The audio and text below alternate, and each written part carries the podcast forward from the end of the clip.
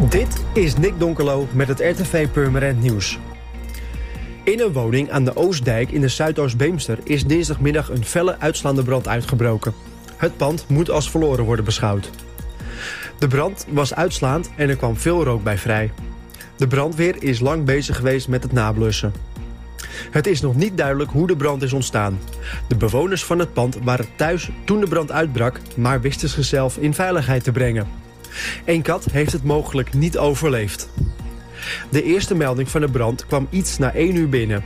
Kort daarna werd opgeschaald naar zeer grote brand. Omstreeks 4 uur was de brand onder controle. Online supermarkt Picnic krijgt steeds meer voet aan de grond in Nederland. Na Hengelo, Haarlem en Amstelveen komt de websupermarkt nu ook naar Purmerend, Edam, Volendam en Monnikendam.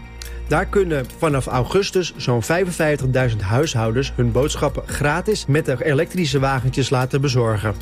Voor wie hier gebruik van wilt maken, kunt zich vanaf nu met de Picnic-app registreren op hun mobiele telefoon. En zo verzekeren van een plek op de wachtlijst. Iedereen die op de wachtlijst staat, wordt gefaseerd toegelaten. De compacte elektrische wagentjes waarmee Picnic bezorgt zijn milieuvriendelijk, stil en staan niet in de weg.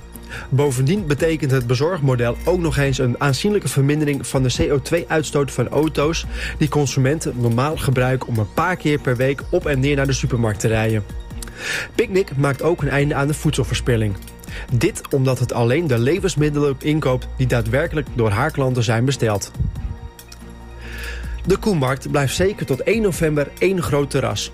Dat is de uitkomst van het overleg tussen de gemeente en de ondernemers van de Koemarkt... die aangesloten zijn bij de Koninklijke Horeca Nederland afdeling Purmerend.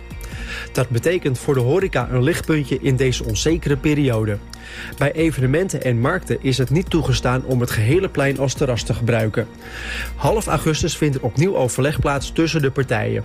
De verwachting is dat er dan een besluit kan worden genomen over de inrichting van de winterterrassen. Voor meer nieuws, kijk of luister je natuurlijk naar RTV Purmerend. Volg je onze socials of ga je naar onze website www.rtvpurmerend.nl